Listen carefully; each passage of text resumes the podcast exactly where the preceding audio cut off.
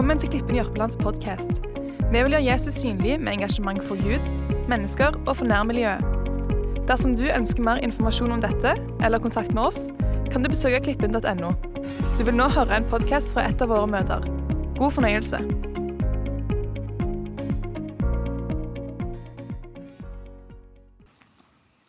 Hei. Så fint å være her i eh, Klippen på Jørpeland. Det er litt rart å si 'på i Klippen', 'på Klippen'. På Heter det 'på Klippen'? I Klippen? På Klippen. Sånn. Og har vært her da noen dager, som dere hørte, og jeg er veldig imponert over å se det oppvekstsenteret som dere driver her, for det er jo det dere har. Jeg har ikke besøkt barnehagen, men stort sett alle andre foraer.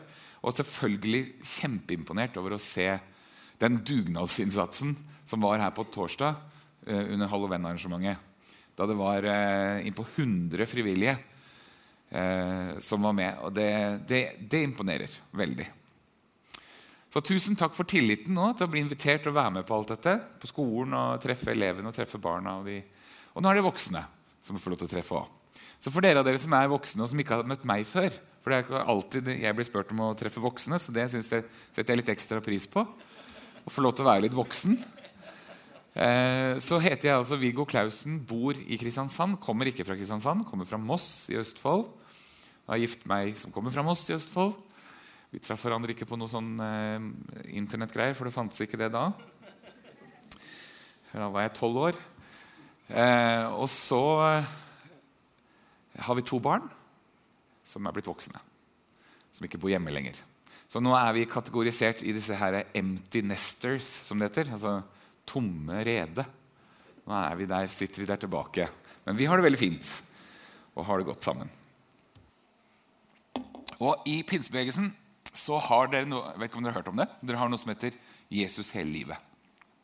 Det å gi den kommende generasjonen muligheten til å bli kjent med Jesus tidlig. Og muligheten til å få en god oppfølging gjennom barneåra, gjennom ungdomsåra, inn i voksenlivet. Og så begynner alt helt på nytt igjen. sant? Neste generasjon, neste generasjon. Vi er alltid bare én generasjon unna at alt er borte. Så hele tiden så handler det om at vi som er blitt voksne, må bli voksne. Vet ikke om dere husker Paulus han sa det at det, når jeg var barn, så tenkte jeg som et barn, gjorde det som et barn, og så måtte jeg ha melk. Men når jeg ble voksen, da måtte jeg ha fast føde. Og når vi er voksne, så har vi også lært å spise sjøl. Men det ser ikke alltid sånn ut i menigheten. Det ser ut som vi fremdeles sitter i barnestolen med dressen på og slipset og smekken og sier 'mat meg'. Det er meg det handler om. Men så vet vi at sånn kan det ikke være. Det kan ikke være sånn i det naturlige livet. Det kan ikke være sånn i menighetslivet. Det betyr at vi som er voksne, vi må sette oss sjøl ut av sentrum. Og så må vi ta den neste generasjonen inn i sentrum. Nå handler det ikke om meg lenger. Nå handler det om neste generasjon. Og Den generasjonen som driver og vokser opp nå, har fått navnet generasjon Z. Jeg vet ikke hvorfor det er, men det må vi ha en ny bokstav i alfabetet for hver generasjon.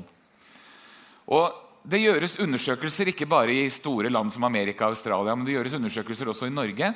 Og trenden viser seg i alle vestlige land at 70-90% av alle barn som vokser opp i kristne hjem eller i kirkeaktiviteter, de orienterer seg ut av det innen de er 20 år. Det er et høyt tall. 70-90 så Det aller viktigste som skjer i kirka her i dag, det er overhodet ikke det som skjer her inne.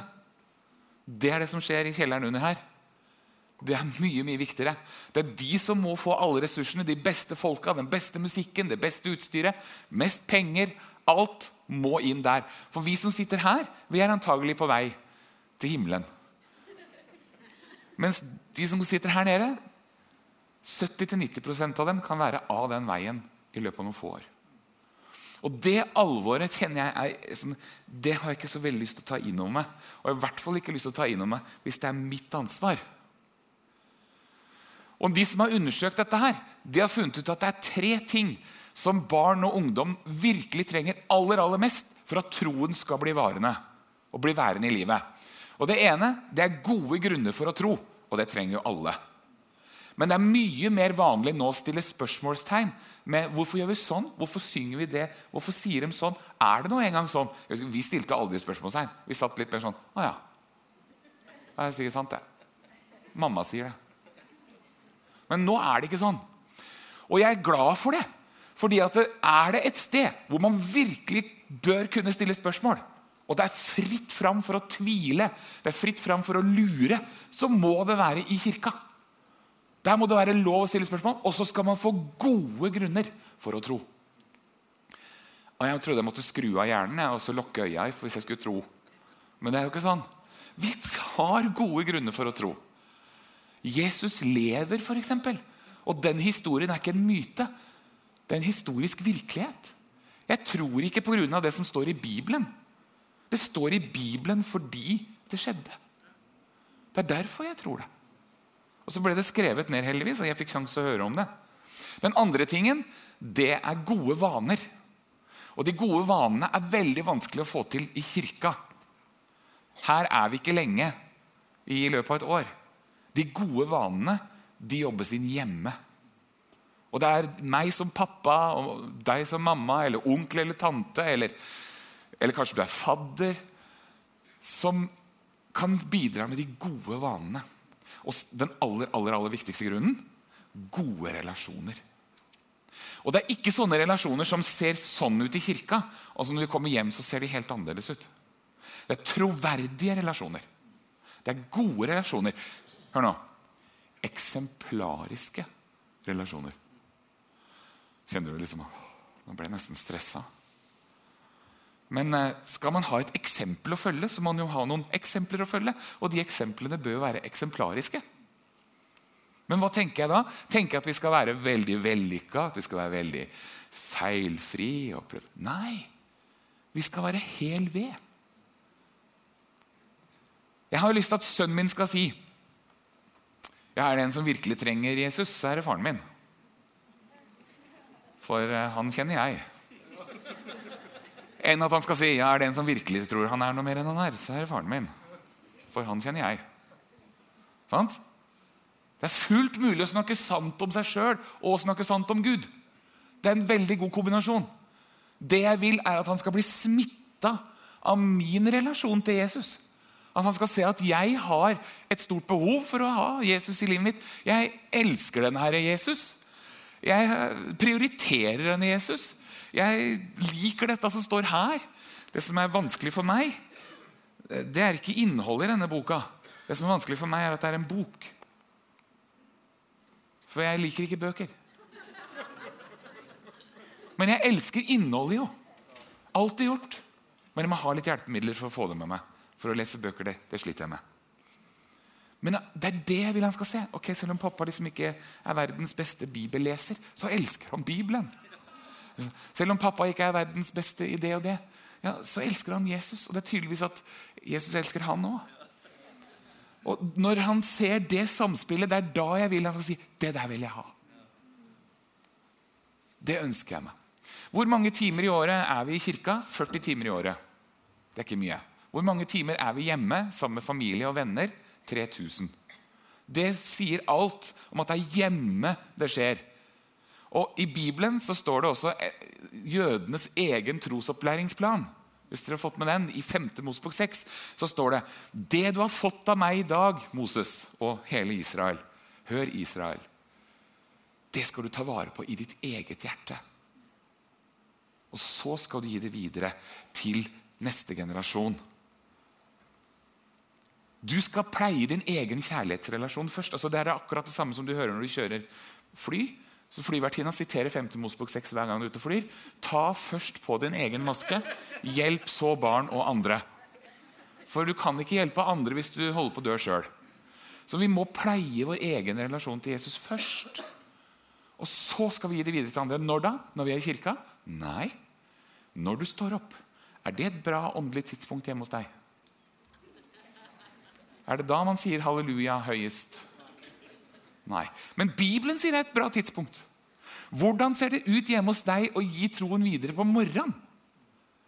Hjemme hos meg har det aldri vært det helt store å ha morgenandakter eller husandakter i det hele tatt. Det har ikke vi fått til. Men jeg husker kona mi når ungene var mindre og de gikk på skolen, så sa hun ofte 'Gud velsigne deg i dag', sa hun når hun sendte dem på, skolen. Det er mye du kan si da. I det momentet der. Husk matpakka og gymtøy og kom rett hjem. og alt der. Men hun skjøv litt etter side og sa 'Gud velsigne deg i dag'. Det er ikke sikkert det er mer som skal til. Neste punkt så var det når du går på veien. Det gjør vi ikke lenger. Vi går ikke så mye på veien. Og da var det en pappa som sa til meg at de beste pratene jeg får med barnet mitt, det er når vi kjører bil. Og Det er to grunner til det. Den ene er at han sitter fast. Og det andre er at han slipper å se meg inn i øya. Da får vi en fin prat.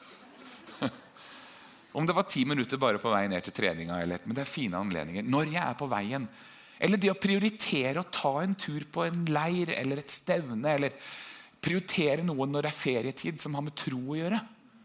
Utrolig smart. Der er masse folk som har forberedt seg godt og gjort alt klart for at du kan betale noen tusenlapper. Og så kan du sette deg ned og så kan du få masse hjelp som trosopplærer. Og så står det nå når du legger deg Det er kanskje et mer vanlig tidspunkt for oss. Men det er en gyllen anledning, sier Bibelen. Og når du sitter hjemme. Bordfellesskap. Alt handler om relasjon. Relasjon, relasjon.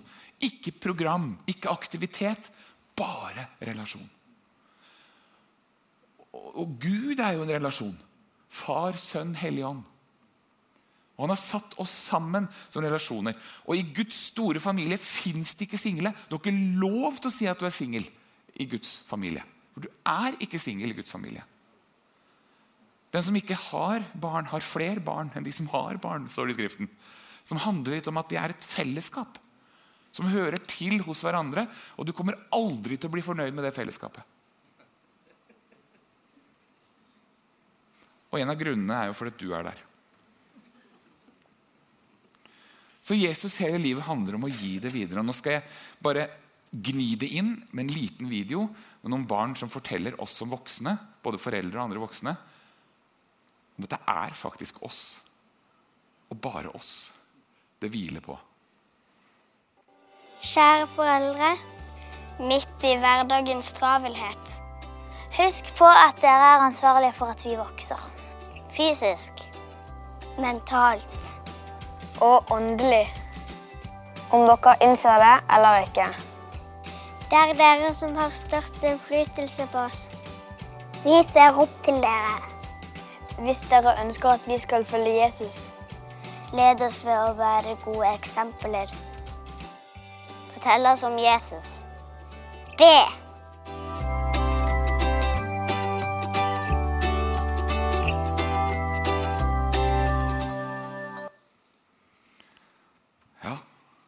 Tanken var at vi skulle bli litt svett. Vi kjenner på det er, å, Hvorfor akkurat meg? Det er mange ganger jeg kunne tenkt meg å ha hatt en vikar i den jobben. Som barnearbeider er jeg ganske profesjonell, men som pappa er jeg veldig amatør. Jeg skulle ønske at det var noen andre som var viktigere enn meg. Som jeg ser litt opp til, og som har ting mer på stell enn det jeg har. Jeg ser jo sønnen min blir som meg. Nei! Han blir jo helt lik. Vi var på amerikaferie sammen. Og jeg var så irritert på sønnen min, og så sier Katarina, kona mi, ja, det er jo der han ligner. Ja. Så var, Jeg skulle ønske det noen ganger at jeg hadde liksom et, en vikar. Eh, og Nå skal vi lese et veldig unorsk bibelvers. Fra 1. Korinterbrev 4,15. Der sier Paulus noe som en nordmann aldri ville sagt. Han sier Jeg ble deres far, deres åndelige far, i Kristus. Han sier det til korinterne. Da jeg ga dere evangeliet. Da var det jo jeg som på en måte ga det videre. Det ble vårt bånd. Jeg ble deres far i Kristus da jeg ga dere evangeliet. Og så sier han så enkelt og greit ha meg til forbilde. Ja. Kunne du tenke deg å si det samme? Han stikker nesa fram, og så sier han, 'Se på meg. Gjør som meg. Tenk som meg.' Ja, Det kan jo Paulus si, kan jeg tenke da. Men i et annet brev som heter Timoteusbrevet. Her er godeste Viggo Clausen. Han sier ikke det. Han stikker ikke nesa så ofte fram. Sett meg foran 1000 mennesker, jeg snakker gjerne lenge og vel. Sett meg foran tre stykker, og jeg blir helt stille. Hvem er det som tar initiativet hjemme hos oss når vi skal si 'skal vi be'? Det er ikke meg. Hvem, som, hvem er det som tar initiativet hjemme hos oss og sier 'skal vi lese litt i Bibelen'? Det er ikke meg. Men heldigvis at kona mi har hatt et litt større frimodighet enn det jeg har. Men det er litt typisk menn. Vi kan, være, vi kan trekke oss tilbake, vi kan bli litt stille. Og vi stikker ikke nesa fram. Og det, Vi kan føle at det er mange grunner til det. Det er derfor ikke jeg stikker nesa fram. Du skulle bare visst, du. Men Paulus han sier altså, i 1. Timoteus brev så sier han da på en måte i samme åndedrag Blant syndere er jeg den største, så ha meg til forbilde. Det virker jo som det ikke henger sammen. Men det gjør det. Og eh, Bli med på en liten reise fra nå og til jeg er ferdig med å tale fra Hebreerbrevet og så et par andre steder i Bibelen der vi møter noen vaskeekte mennesker. Som Paulus var vaskeekte. Han sa 'ha meg til forbilde', men jeg er nå bare et menneske. Så møter vi Jakob og mange andre sånne sværinger i Hebreerbrevet kapittel 11. Det er på en måte the hall of fame i, i, i Bibelen. Der alle de store bibelheltene ble klistra opp på veggen på plakater. De trodde Gud. De hadde så stor tro. Og pga. tro så gjorde de det og det og det. Og Jakob blant annet, står om dere, når han skulle velsigne etterslekten sin, når han skulle velsigne barnebarna sine, da er vi midt i det vi snakker om nå, skulle gi det videre til neste generasjon, da gjorde han det rett før han skulle dø. Og så står det noe rart på det der bibelverset. Så lente han seg i bønn over knappen på sin stav. Og som sagt, Jeg har jo litt problemer med det å lese bøker. Noen bøker kunne vært litt tynnere hvis jeg hadde kutta ut sånne informasjoner som jeg ikke behøver. Jeg trengte å vite at han velsigna etterslekten, men hvorfor skulle jeg vite det at han lente seg over knappen på sin stav? Og hva slags knapp var det? Da ble jeg mer opptatt av det. Var det en sånn han kunne trykke på, liksom, og så ble det til en paraply? Eller hva var det for noe? Må, må det stå sånne ting? Men så hørte jeg en som fortalte meg for noen år siden om de der stavene. For det står mye om staver i Bibelen. Har dere merket det? Det er ikke bare Oddvar Brå, det er masse staver i Bibelen. står om dem overalt. Og Jeg har tatt med meg en her. Det, han, han, lente seg altså på toppen av sin stav. Og jeg fikk høre fra denne karen her som studerte teologi, og som fortalte om at det å ha en sånn stav for disse patriarkene og disse her folka i Det gamle testamentet, det var ikke bare en de fant i veikanten som de tok med seg og, så heiv den etterpå. Nei, Det var faktisk en, en, forlengelse av kroppen. Det var en stav de hadde hele livet, og de satte den inn med oljer og sånne ting, så ikke den skulle råtne. Og så var det én ting de gjorde. De skar inn merker i staven. Ikke bokstaven, men sånne bare merker, sånn at de skulle huske det som hadde skjedd. For Her var det jo ikke vanlig å skrive ned ting, så det var viktig. Så de begynte nederst på staven, og så jobba de seg oppover gjennom livet. Og så kunne staven også gå i arv til neste generasjon. Og Vi ser, kan se det for oss at de sitter der på kvelden. ikke sant? Jakob sitter der også. Og så kan barnebarna peke på staven og si men 'Bestefar, hva er det du har laga her nede? Er det en dråpe?' Og så kan bestefar si nei, vet du, det er en tåre. Det er min tåre. Og så kan han fortelle jeg var en så dårlig far. Jeg gjorde forskjell på barna, faren deres og de andre brødrene. Så mye at brødrene begynte å hate faren deres. Men jeg har feilen. Og Så forteller han hele den historien om Josef, kanskje. Og så har den blitt til velsignelse. Men den setter ikke Jakob i et bra lys. Men den setter Gud i et bra lys. Gud var med Josef, står det stadig vekk. Og Gud var med Jakob.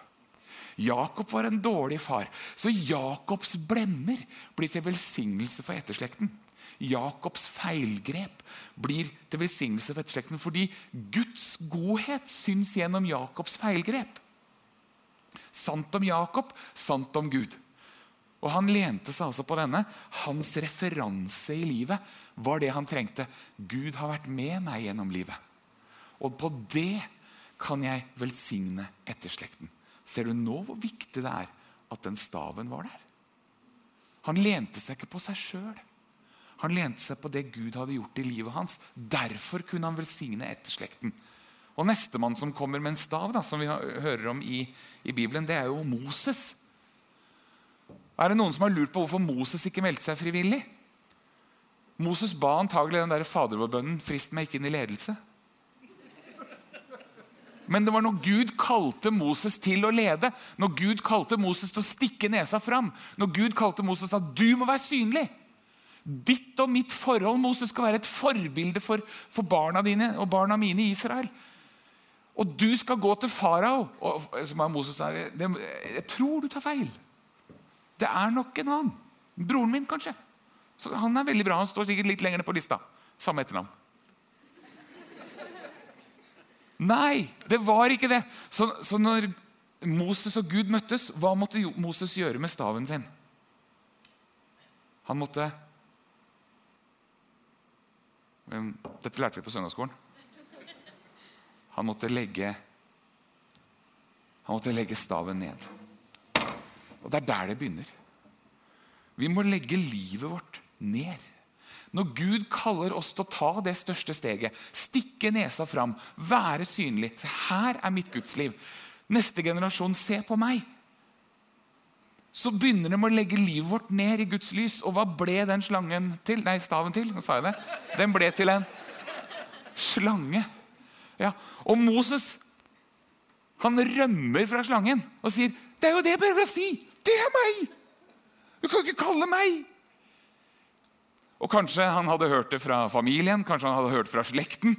Og kanskje han hørte det også når han gjorde det, når han kom til Israel. Hvem er du? Hvorfor skal du være en leder? Hvorfor skal du stikke nesa fram? Du er jo en morder. Vi vet hvem du er. I vår moderne tid er det kanskje ikke så veldig mange i menigheten som er mordere. Men vi vet hvem du er. Du har vært på stoff. Vi hørte det her. Hvem er du? Skal du stikke nesa fram? Vi vet det. Du er skilt. Du har ikke lyktes med det, og du har ikke lyktes med det. Du har en fortid. Og Det var akkurat det Moses prøvde å argumentere med. Så sier Gud til eh, Moses ta slangen i halen. Så tok han slangen i halen, så ble det til en stav igjen. Og så fikk han ikke noen ny stav. Det var den han skulle ha med seg til farao. Det var sin referanse, sitt liv han skulle ha med seg. Husker dere profeten som så at uh, han, eh, eller profetlærlingen, at profetlæreren la staven sin på gutten som var død. Og så ble gutten levende igjen. Og så kom han i samme klemma, profetlærlingen, og han prøvde å finne staven til læreren sin. Og så fant han den, og så la han den på gutten. Funka ikke det i det hele tatt? Måtte jo ha sin egen stav. Jeg kan ikke ta andres liv inn i meg, ikke ta andres velsignelser. Jeg må ta, bruke mitt eget liv, og så må jeg stikke det livet fram. Og så må folk få se det livet. Barna våre, ungdommene våre, barnebarn må få se hva vi har i våre liv. Som kan vise hva Gud er i våre liv. For det er det de trenger å se. Og Moses gikk jo med denne staven. Han sa jeg kan ikke snakke, jeg kan ikke Nei, glem noe alt du ikke kan. Poenget er ikke det. Poenget er at jeg har bestemt meg for at det er du som skal gå. Og det er du som skal ta med deg den til farao. Kan du være så snill? Dette tar tid. Og, Moses gikk. Og Her sitter det mange menn som meg og Moses, som har en fortid. Og hvem er vel ikke bedre enn du som mann, som kanskje har vært til helvete og tilbake igjen, som vi hørte her? Eller som har hatt et liv som har vært helt annerledes. Eller, hvem er ikke bedre enn du til å sette deg ned med noen gutter rundt deg og kunne fortelle hva livet er, og hvem Gud er? Ingen over, ingen ved siden. Du er den beste til det. Sette deg ned med din egen familie, med dine egne barn, med dine egne relasjoner. Eller ta et ansvar i kirka. Spørsmålet er jo ikke om du har, et, du, eh, om du har en plass i barne- og ungdomsarbeidet i menigheten. Spørsmålet er hvilken plass du har i barne- og ungdomsarbeidet i menigheten. Og Noen har den plassen at de kan sette seg ned med en liten gruppe mennesker og fortelle dem dette er livet, gutter. Dette kommer til å møte dere, gutter. Sånn er det.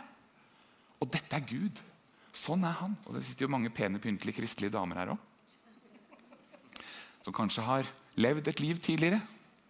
Kanskje du har en tatovering et sted. Ingen vet. Og hvem er vel ikke bedre til å sette seg ned med noen jenter som også kanskje har opplevd overgrep?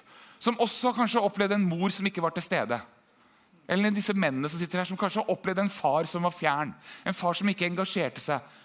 Eller som også kanskje har opplevd overgrep i livet sitt. Smerter. Lidelser som ikke er ålreit. Sykdom. Prøvd med mange forskjellige ting. Og som kan gi et troverdig bilde av hva livet er, og et troverdig bilde av hva livet med Gud er. Det henger godt sammen. Du er den beste til å sette deg ned og være en sånn relasjon. Du har ditt eget liv, en egen referanse. For nestemann hadde også en sånn en. Hva var det som fikk David til å si 'Jeg tar han, jeg'? Altså, men hva, hva, hva, var det som fikk David til å melde seg frivillig til tjeneste? Gutten som bare kom med brød. Og så møtte han den største utfordringen han hadde møtt i livet, og, og, sier, og melder seg frivillig. Hva var det som fikk David til å gjøre det? Goliat sa, 'Tror du jeg er en hund?' sa Goliat, 'som lar meg jage av kjepper'. Han hadde jo med seg slynge og steiner. Det snakker vi mye om. Vi har hatt bibeltimer om hver enkelt av de steinene. og den slynga. Men han hadde jo med seg staven også. Det måtte jo bare være i veien. Under der, og så slynga og så steiner. og så... Iallfall så så Goliat at han hadde med seg staven. Hvorfor hadde han det? Og vi vet David skriver noe om staver og kjepper og at de trøster. og de, Hva er dette for noe? Jo, jeg har ripa inn her 'Kom løven'. Løven kom for å ta mine lam. Hvem var som var med meg da? Gud var med meg. Jeg tok løven. Og så kom bjørnen for å ta mine lam. Hvem var med meg da? Gud var med meg. Og nå kommer han. Og han er så svær. Han kan jeg ikke bomme på. Han var ikke så cocky. Men han var i tro til Gud frimodig. Men ikke på sine egne vegne, tror jeg. Jeg tror David visste at om jeg lever eller dør, så hører jeg Gud til. Sånn som vennene til Daniel. Om Gud vil redde meg, eller om han ikke gjør det. Vi bøyer oss ikke for den statuen. Og David, om jeg skal dø i møte med han eller ikke, vi kan i hvert fall ikke stå her og se på den fyren spotte Gud. Og så gikk David. Men så vet vi at David han ble jo litt eldre. Han ble litt satt i 40-åra. Sånn som du og jeg kan være. Og Da sendte han andre i krigen. Da, trakk han seg tilbake på taket der, rusla rundt der og drev med ting som bare tok eh, dødtid. Surfa på Internett. Så kom han inn på batseba.com. Der skulle han aldri vært. Og David, som var en Guds mann, og som virkelig hadde levd med Gud, og som hadde en historie der Gud hadde vært med i livet hans Han tok skjea i egen hånd, levde, begynte å leve litt i skjul og gikk stadig inn på batseba.com. Her var det et eller annet som nappa i Davids hjerte, som var ordentlig fristende. Og Hvor mange gode, varme, åndelige kristne menn er det ikke som kan kjenne seg igjen i det? Takk og lov at det står sånn i Bibelen. Jeg tror denne historien også står i Koranen, men der kommer David veldig godt ut. Men Bibelen er så bånn ærlig. Forteller at David han blir avhengig av denne negative bindinga i livet sitt. Seksuelle krefter som han bare ikke klarer å stå imot. Og så blir han dratt inn i det, og så blir det et spill, og David blir en morder av hele greia også. Det kanskje ikke skjer med de fleste menn hos oss. Men det er mange, både pastorer og andre, som sitter fast i en sånn her avhengighet som har med seksualitet å gjøre. Eller man kan sitte i andre avhengigheter. Det viktigste er ikke hva det er, men at det binder oss. Og hva gjør det med sånne menn og sånne damer som sitter fast i sånne bindinger? Stikker vi nesa fram? Sier vi 'se på meg, følg meg, gjør som meg'? Nei. Det får akkurat motsatt effekt. Vi trekker oss tilbake, vi lukker igjen munn. Vi blir, ut, vi blir utydelige. Og Det fins en hel generasjon som sier vi kan ikke følge noen som ikke syns. Alle følger det som syns, så da følger vi noe annet som syns.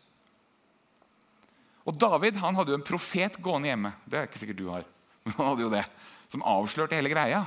Og David han blir tatt på fersken her, og han må innrømme jeg er mannen. Hva gjør David? Det som er så fantastisk med David, det er at han gjør sånn. Det er meg. Det er sant om meg. Jeg har gjort denne tingen. David er ikke redd for Gud. Han har et gudsbilde som er på plass. Han vet at Gud er god, han. Bare jeg er ærlig. Og så ber Han han skriver jo en hel sang om det her som tempelkoret skulle synge. 200 mann i koret skulle synge om Davids blemmer. Det har ikke jeg gjort ennå. Men det gjorde han. Og ta ikke Den hellige ånd fra meg, og ta ikke det jeg har fra meg. Gud, gi meg nåde.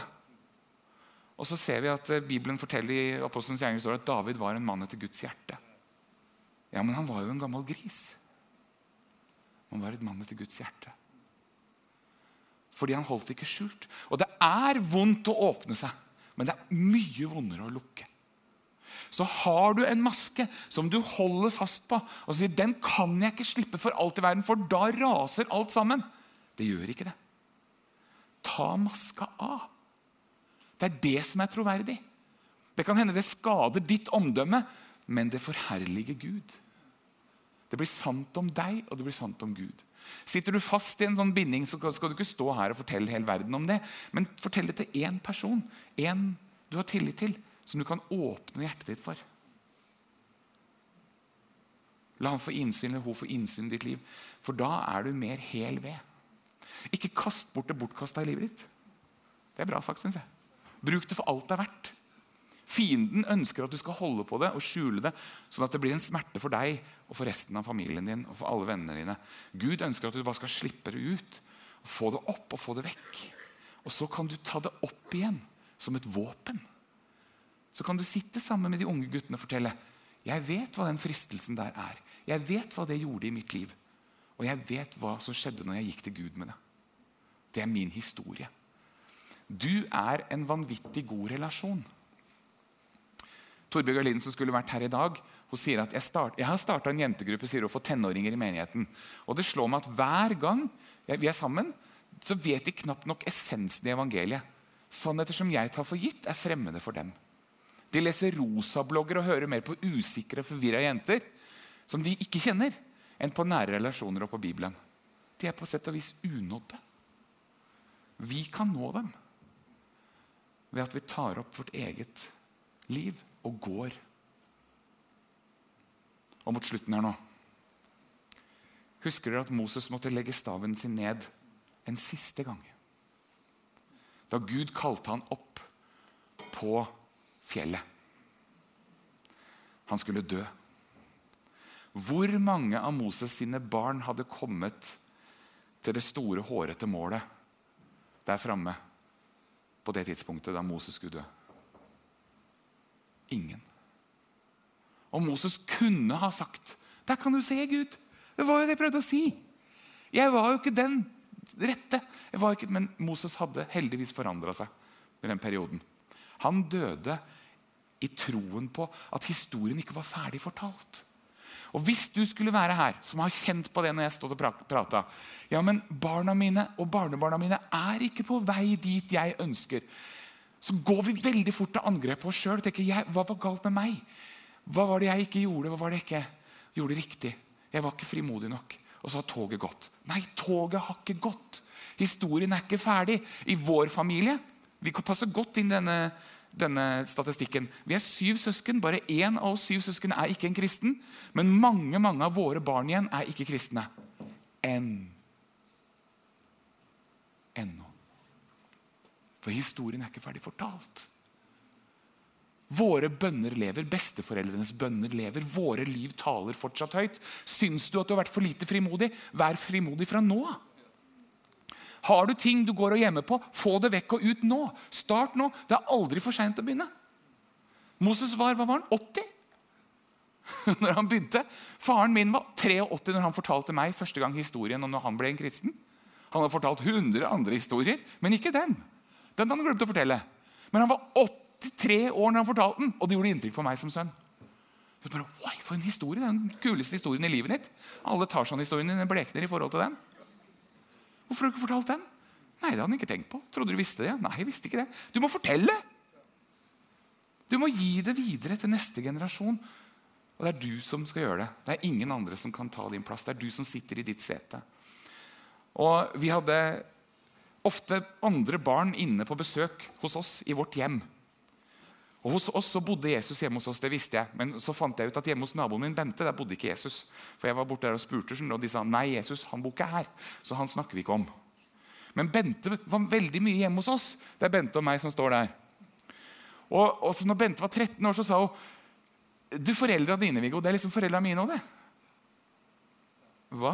Jo, for jeg er jo kristen, sa Bente, og det er jo foreldra dine sin skyld. Og så det er min skyld i så fall hvis du er kristen. Se på foreldrene mine.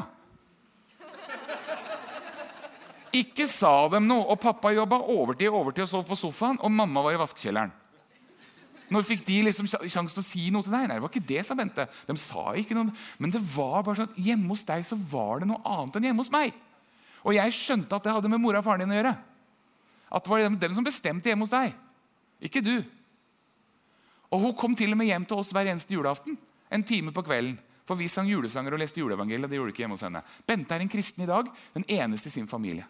I sommer så traff jeg noen som pleide å være hos broren min, to gutter, som bare var hos eh, besteforeldrene sine, naboen vår, om sommeren. Og de var hjemme hos oss noen få sommerdager. De er kristne i dag pga. det. Og det, Mine foreldre var ikke akkurat evangelister, var ikke akkurat folk som stakk veldig, veldig nesa fram. Men de hadde invitert Jesus hjem. Han bodde hjemme hos oss. Han fikk bo der. Så du bør ha en plakat som henger på døren. Som ikke sånn, her, her vokter hunden. Liksom. Det bør være en sånn advarsel. Her bor Jesus. Vær forsiktig. Du kan bli smitta. Vi har vår skatt i leirkar. Vi er skrøpelige, vi er fulle av sprekker. Men den skatten som er oppi der, den lyser ut av sprekker. Det er ikke om å gjøre flest mulig sprekker, det er jeg sier, men vi har sprekker. Så folk skal forstå at den veldige kraften kommer ikke fra oss. Den kommer fra Gud. Og han har vi kommet sammen med, han har vi gitt våre liv til. Og knappen på staven, hva var det, tror du? I en annen oversettelse så står det at det var, det var toppen. Han lente seg på toppen av sin stav. Det betyr jeg lener meg ikke på det som skjedde i ungdomstida. Jeg lener meg ikke på det som skjedde der og der. Jeg lener meg det helt, helt opp til det som skjedde nå, i går. Gud er trofast mot meg, og det skjedde. Det er det jeg lener meg på. Takk og lov at de stavene ikke ble fjerna fra, fra, fra Bibelen, men som kunne gi meg en fortelling om at det handler om at jeg er ekte og at Gud er ekte. Når vi nå går i gang og synger, så blir det mulighet for å bli bedt for. Både her framme der i hjørnet og også nede bak Der er det satt opp noen skillevegger. så der, går det an å gå, der står det 'forbedre', og her står det 'forbedre'. Og Hvis dere kjenner at det hadde vært veldig godt å få en hånd på skulderen nå, så betyr ikke det at alle vi som tror her, også, å, han er sikkert avhengig av det. Å, han er sikkert, å, så, sikkert det. Det kan hende du har et helt greit liv, et fint liv. Men det hadde vært godt å få en hånd på skulderen og bli bedt for av en av søsknene dine. Benytt den anledningen. Den får du jo ikke på kjøkkenet hjemme etterpå. den får du nå. Og Da er det mulig å gå ned der og der. Jeg kan også være med et av de stedene og være med og be hvis du ønsker det. Hvis ikke, så vil jeg bare du skal gå hjem rak i ryggen. Den her er ganske rak. Med blikket vendt litt oppover og si den statistikken den kan jeg gjøre noe med. Jeg skal stikke nesa fram. Fra nå av skal jeg stikke nesa fram. Skal jeg være tydelig? Skal jeg vise det kjærlighetsforholdet jeg, jeg har med Jesus? Gjør det. Vær frimodig. Og vit at om det går i en helt annen retning enn du ønsker deg, så er ikke historien ferdig fortalt. Det kan til og med hende at du må dø før den drømmen du har, går i oppfyllelse. Det vet vi ikke. Men Gud er mer interessert i din familie enn du er sjøl. Han er mer interessert i å fullføre jobben enn du noen gang har vært. Han sitter ikke på latsida. Han er aktiv i din familie. Han har kontroll på din familie. Han vet hva du ber om, og han vet hva du kjemper med. Han vet dine bekymringer. Så når du ber neste gang, så hjelp deg selv så ikke du blir sjuk av å be. For noen av oss kan be sånn 'Kjære Gud, nå ser du det går gærent.' Og da blir vi sjuke av å be. For da bare minner vi oss sjøl på alt som er gærent. Men neste gang du ber for familien, Begynn med en takk for at han har kontrollen. Han jobber. Og be om at du kan få lov til å bli brukt sånn som han ønsker at du skal bli brukt.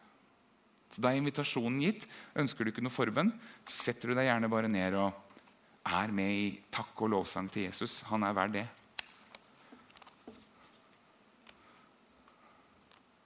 Takk, far, for at vi kan legge våre barn i dine hender.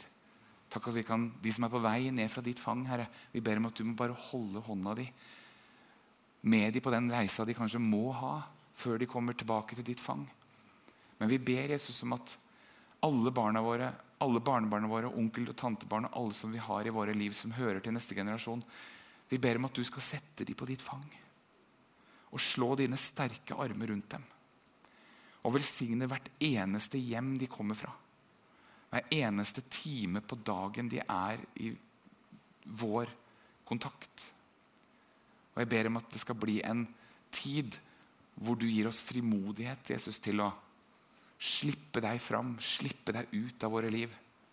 Og slippe deg inn i våre liv. Jeg ber om frimodighet Jesus, til å åpne opp og vite at du er ikke farlig. Du kan komme inn i det innerste rommet. Kom inn i det innerste rommet. Amen. Håper dette budskapet har vært til inspirasjon og veiledning. Flere podkaster finnes på klippen.no og iTunes. Du er hjertelig velkommen til en av våre gudstjenester. Snakkes der.